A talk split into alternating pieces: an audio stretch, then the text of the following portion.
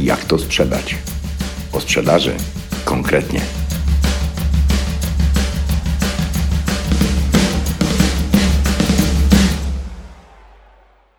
Jak zatrudniać handlowców? Na co zwracać uwagę, aby potem nie narzekać? Handlowiec, sprzedawca czy ekspedient? Kogo masz, a kogo chcesz mieć? Inwestycja w zespół handlowy może być większą wartością niż produkty lub usługi, które sprzedajesz. Nie martw się o sprzedaż swoich handlowców, jeśli jesteś właścicielem Apple, Nike, BMW, IKEA lub McDonald'sa. Jeśli masz do dyspozycji taką markę, ten podcast nie jest dla ciebie. Oczywiście to żart. Te marki dlatego są tymi markami, ponieważ sztukę sprzedaży opanowały do perfekcji. To najwyższy stopień handlu. Sprzedaż bez sprzedaży. W sumie niczego nie sprzedają. Pozwalają tylko kupować od siebie. I klienci chętnie to robią, bez presji, bez domykania, bez większych obiekcji. Po prostu wydają swoje pieniądze, bo tego chcą. W Polsce też jest kilka takich marek. To liderzy swoich rynków. To sprzedawcy doskonali. Jeśli jednak nie masz czegoś tak wyjątkowanego, stworzonego i wykreowanego, wypielęgnowanego, posiadającego taką wartość, posłuchaj tego podcastu. Przewagę konkurencyjną zapewnić możesz sobie również poprzez sposób, w jaki sprzedajesz swoje usługi, swoje produkty.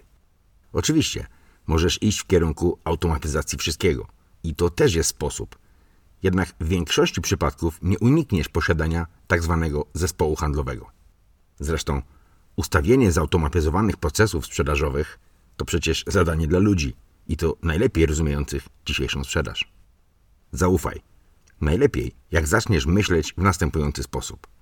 Wszyscy moi współpracownicy, niezależnie co robią, pracują w jednym wielkim dziale marketingu. Wszyscy mają wpływ na moje wyniki, na moją sprzedaż. Księgowa i pracownicy magazynu też. A kierowcy? Kierowcy też. A pracownicy produkcyjni? Pracownicy produkcyjni też. Przecież produkują to, co masz potem sprzedać. A jeśli pojawia ci się w głowie jakieś pytanie, czy aby inni też? Odpowiedź zawsze będzie brzmiała też. Wszyscy oznacza wszyscy. Aha, pracownicy ochrony też. Na treningu sprzedażowym oraz wśród klientów, z którymi pracuję, wdrażam ten sposób myślenia, trochę w nietypowy sposób. Otóż zapowiadam wszystkim, że od dziś muszą zmienić wszystkie umowy o pracę i kontrakty ze współpracownikami i ich tak zwane zakresy obowiązków. Od dziś wszyscy pracują w jednym wielkim dziale marketingu i odpowiadają za wyniki sprzedażowe. Wszyscy jakich masz. Wszyscy muszą rozumieć biznes oraz rozumieć skąd biorą się pieniądze w firmie. Na ich wypłaty też. Wszyscy mają wpływ na sprzedaż. I im szybciej taką kulturę organizacyjną wprowadzisz w swojej firmie, tym lepiej dla firmy, dla współpracowników i dla ciebie. A asystentki i sekretaria też? Oczywiście, też. To temat szeroki, związany z budowaniem trwałej przewagi konkurencyjnej. To sposób zarządzania, a raczej przewodzenia firmą. To sposób myślenia o biznesie i to nie jest tematem tej publikacji. Skupimy się na tych, którzy bezpośrednio odpowiadają za to, aby tak zwani klienci wydawali swoje pieniądze u ciebie, w twojej firmie. Kim są ci ludzie? Powszechnie używamy nazwy zespół handlowy, sprzedawcy, handlowcy. Ok, uporządkujmy to, abyśmy właściwie rozumieli wypowiadane słowa. Przez lata pracy jako handlowiec oraz konsultant w kilkudziesięciu firmach dotarło do mnie, że popełniamy powszechnie pewien błąd. Błąd, który jest powodem późniejszego narzekania. Narzekania, że nie ma dobrych ludzi, że trudno znaleźć dobrego handlowca, że ludzie odchodzą, zanim się czegoś nauczą i takie tam pitolenie, będące niczym innym niż budowaniem sobie alibi na własną nieskuteczność.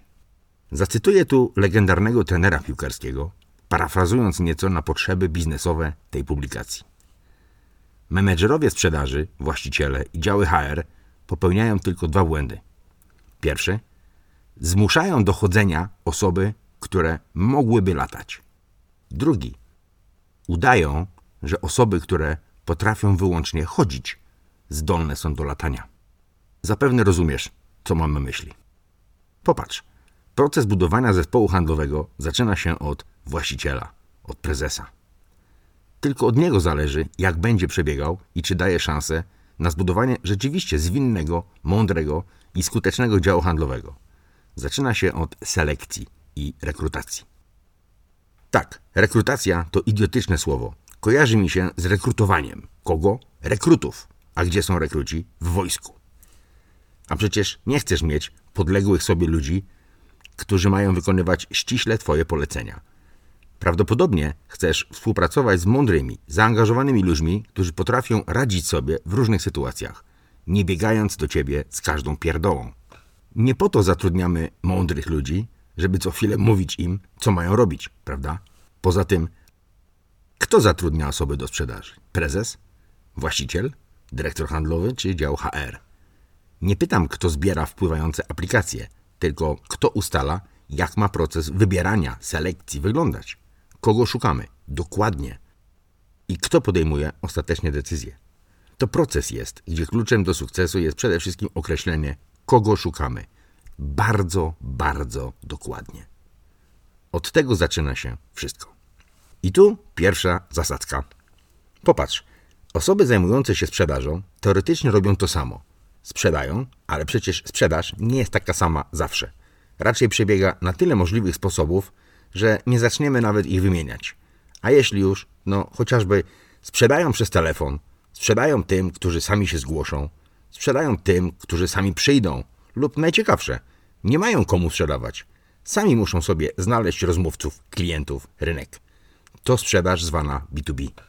Jednym z kluczy do sukcesu jest odpowiednie dobranie osób posiadających tzw. Tak kompetencje lub chociaż predyspozycje do odnajdywania się w pracy w sprzedaży. Wiem, że niektórym wydaje się, że wystarczy napisać skrypt, ustalić procesy i zatrudnić kogoś, kto umie mówić, ma dobrą prezencję i chce. No, to powodzenia. To zadziała w McDonald'sie. Tam osoby zajmujące się sprzedażą mają wykonać po prostu ściśle określone czynności i nic więcej. A cała komplikacja polega na umiejętności zadania pytania. Powiększony? W zestawie? Tam nie potrzeba sprzedawców, handlowców. Tam marka oraz proces robi całą robotę, a ludzie mają w tym nie przeszkadzać, nie popsuć tego. W takim przypadku wystarczą osoby, które z handlowego punktu widzenia nazwę ekspedient. Nie ujmując nikomu, ale tu wystarczą kompetencje ekspedienta, który w zasadzie ma minimalny wpływ na sprzedaż. Jeśli wykona określone czynności, jest po kłopocie. Ma podać dokładnie to, co klient chce, w określonym trybie i czasie. To ekspedient. Wystarczy uczciwa, zaangażowana osoba, uśmiechnięta, pozytywnie nastawiona, której się chce. I koniec. Jednak jest coraz mniej miejsc, w których sprzedaż, obsługa klienta sprowadza się do zatrudnienia tzw. Tak ekspedientów. Hmm. Powinno być coraz mniej takich miejsc. Ale czy tak jest? Popatrz. Gdyby w prosty sposób określić zadania w pracy osób zajmujących się sprzedażą, a przy tym strategiczne cele firmy, Twojej firmy, bo jeśli celem jest zrobienie planu miesięcznego, kwartalnego czy nawet rocznego, no to nie masz żadnych celów strategicznych, najważniejszych. I Twój zespół sprzedażowy też mieć nie będzie, poza tym, aby za wszelką cenę zrobić plan. Podkreślam, za wszelką cenę zrobić plan. Przez lata pracy dotarło do mnie, co tak naprawdę jest celem strategicznym każdej firmy. Jeśli tak je określisz, twoi handlowcy będą mieli łatwiejszą drogę wdrożenia i oceny wyników. Tych najważniejszych.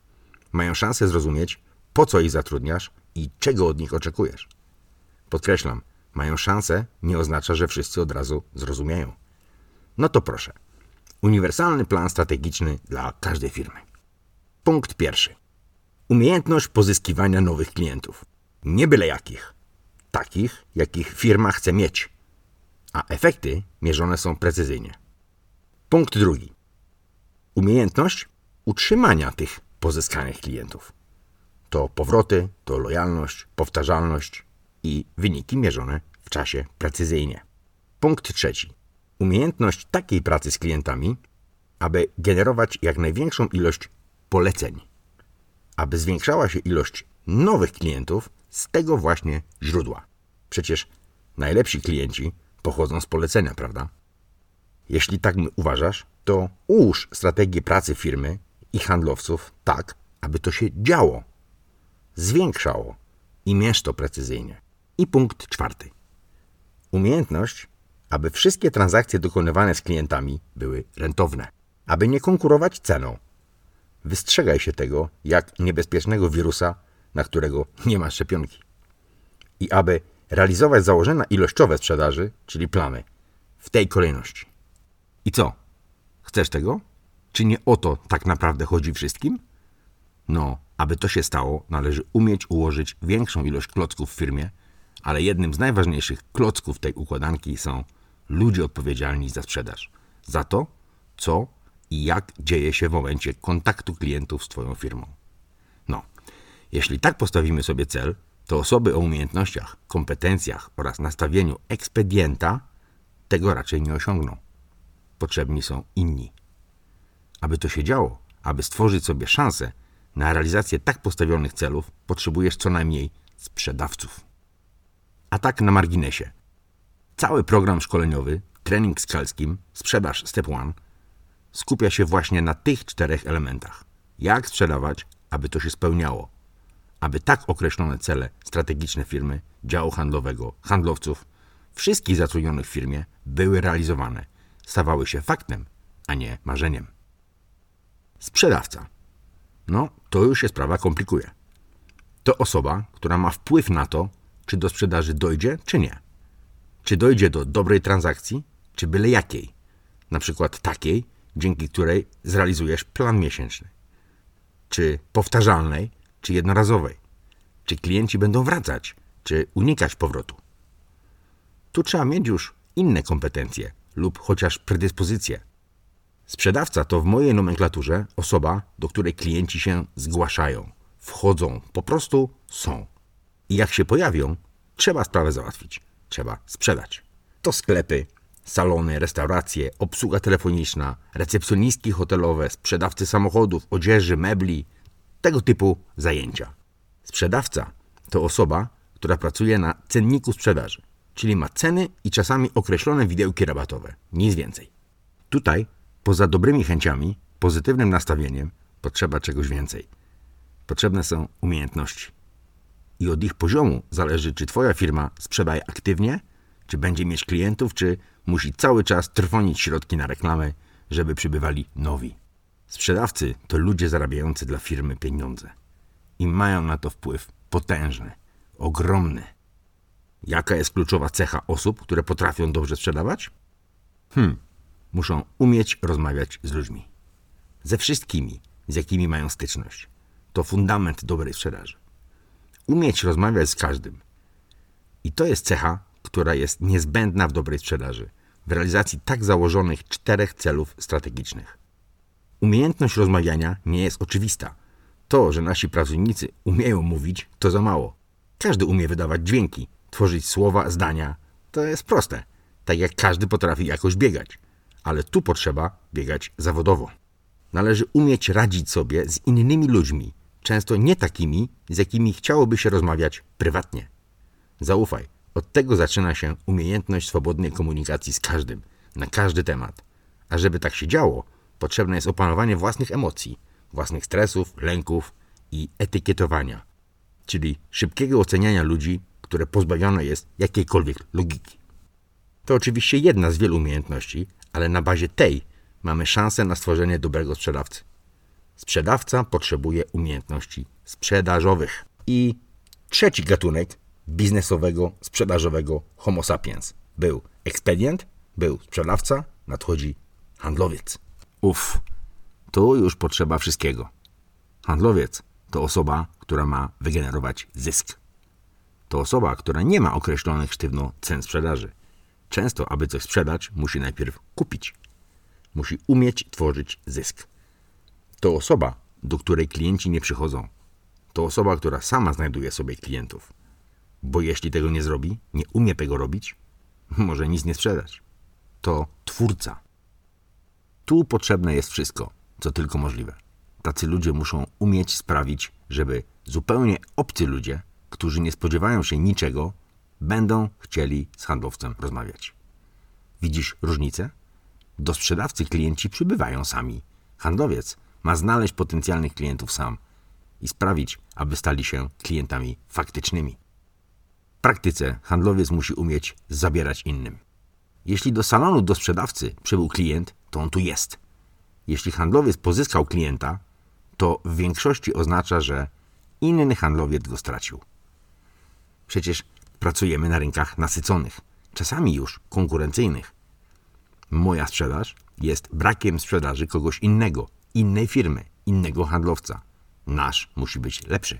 Handlowiec potrzebuje umiejętności handlowych. To najwyższy stopień wiedzy kupieckiej. To psychologia, to wiedza o ludziach, to komunikacja na najwyższym poziomie, to umiejętności negocjacyjne, to wiedza o biznesie, jak funkcjonują firmy, o kosztach, o przychodach, o podatkach. Hm, tu decydować może wszystko. Ekspedient, sprzedawca, handlowiec. Widzisz teraz różnicę? Których chcesz mieć? Którzy dadzą największe prawdopodobieństwo realizacji czterech strategicznych celów, które mierzysz? Pozyskać, utrzymać, polecać, zarabiać. Oczywiście, że wszyscy chcą ludzie o kompetencjach, predyspozycjach handlowca, ale jak obserwuję to, co w firmach jest, no, tam gdzie stopień narzekania na sprzedaż jest największy, tam ekspedienci pełnią rolę sprzedawców, a często handlowców. Skąd brać handlowców? Znikąd. Ich nie ma. Zawodowi handlowcy, wolni na rynku, to rzadkość. Dlaczego? Hm, bo to zawodowi handlowcy. A tego typu osoba nie czeka, aż ktoś go zatrudni. Nie szuka pracy. Praca sama znajduje jego. Jedyne, co może zrobić, to zatrudniać ludzi o pewnych predyspozycjach, a może nawet kompetencjach i tworzyć z nich handlowców. Tworzyć z nich handlowców. Zawsze tworzysz handlowców. Dlaczego? Bo jeśli ktoś o umiejętnościach handlowca będzie pracował w salonie sprzedaży, w sklepie, będzie radził sobie wyśmienicie, nawet jako ekspedient, będzie wybitny. Odwrotnie to nie działa. Ok. Czyli na co zwracać uwagę w poszukiwaniu osób na stanowisko handlowca? Stwórzmy profil idealny, czyli kto to ma być. Ok. No to ulepmy handlowca. Musi to być osoba odważna, a na pewno niebojaźliwa i wycofana. Niekoniecznie pewna siebie. Wystarczy, że nie będzie niepewna w działaniu. Potrafiąca swobodnie wypowiadać się, tworzyć logiczne ciągi słów, zdań. Mająca ponadprzeciętny zasób słów. Aby rozmawiać, trzeba używać słów. Umiejąca wypowiadać się na różne tematy, przede wszystkim na takie, na jakich się nie zna. Ale dobrze się z nią rozmawia, nawet o wędkarstwie. A tak na marginesie. Jeden z moich klientów był zapalonym wędkarzem. Spędziliśmy godziny rozmawiając o tym, a ja wiedziałem o wędkarstwie mniej więcej tyle, ile o technikach szydełkowania. Ale dla mojego klienta byłem wyjątkowym rozmówcą. Hm, no, trochę sobie poczytałem o wędkowaniu, aby chociaż zadawać jakieś rozsądne pytania. A i tak przede wszystkim słuchałem. Dobrze, tworzymy dalej handlowca. Musi to być osoba umiejąca prowadzić rozmowy na ty, a nie na ja. Popatrz, ktoś, kto często zaczyna zdanie od ja tak myślę, ja bym tak zrobił, ja robiłem to, ja tamto, i ja, i ja, i ja. Zwracaj uwagę w rozmowie na to. Ma prowadzić rozmowę nie z perspektywy czubka własnego nosa. Musi być to osoba aktywna, potrafiąca przejmować kontrolę nad rozmową. Nie nudzisz się z takimi ludźmi. To ważne. W rozmowach rekrutacyjnych zwracaj na to uwagę czy rozmówca potrafi płynnie zmieniać temat rozmowy na taki, jaki chce. Bo na przykład ma coś na ten temat do powiedzenia i rozmowa cię z nim nie może nudzić.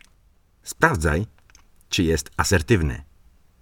Ale nie, czy rozumie, co to znaczy, tylko czy jest asertywny w praktyce. Nie pytaj, tylko sprawdzaj. Czy w trakcie rozmowy jest zrównoważony, spójny w wypowiedziach i gestach, czy jego mowa ciała potwierdza to, co i jak mówi.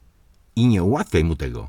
Utrudniaj, zmieniając wątki, skacząc z tematu na temat. Czy jest ciekawy? Czy pyta?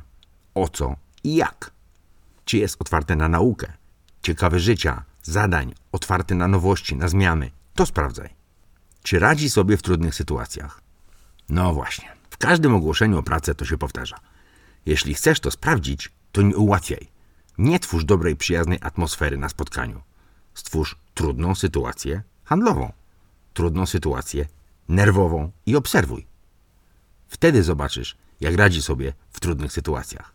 Nie ma lepszego sposobu, aby sprawdzić, jak ktoś radzi sobie w trudnych sytuacjach, niż stworzyć mu trudną sytuację.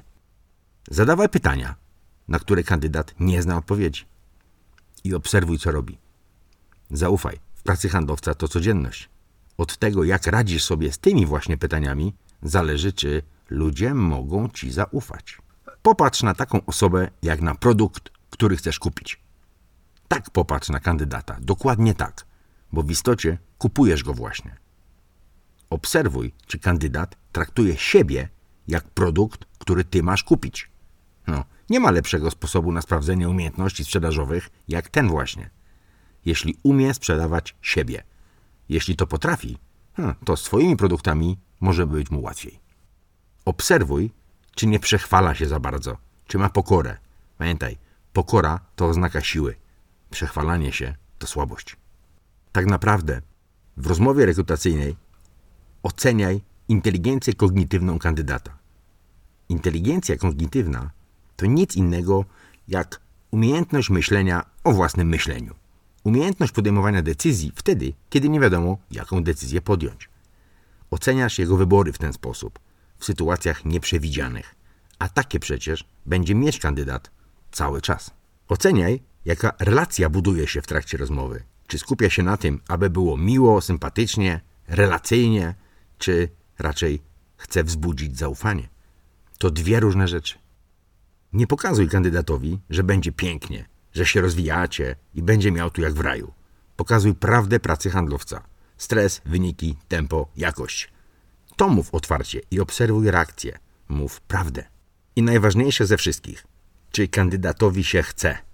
Sprawdzaj chcieństwo kandydata, tak bym to ujął. To najważniejsze. Jeśli wszystko pokazuje, że jest świetnie, musi się jeszcze kandydatowi chcieć, bo bez tego chcieństwa pozostała część jest nieważna. No, to mamy podstawy, mamy pewien profil.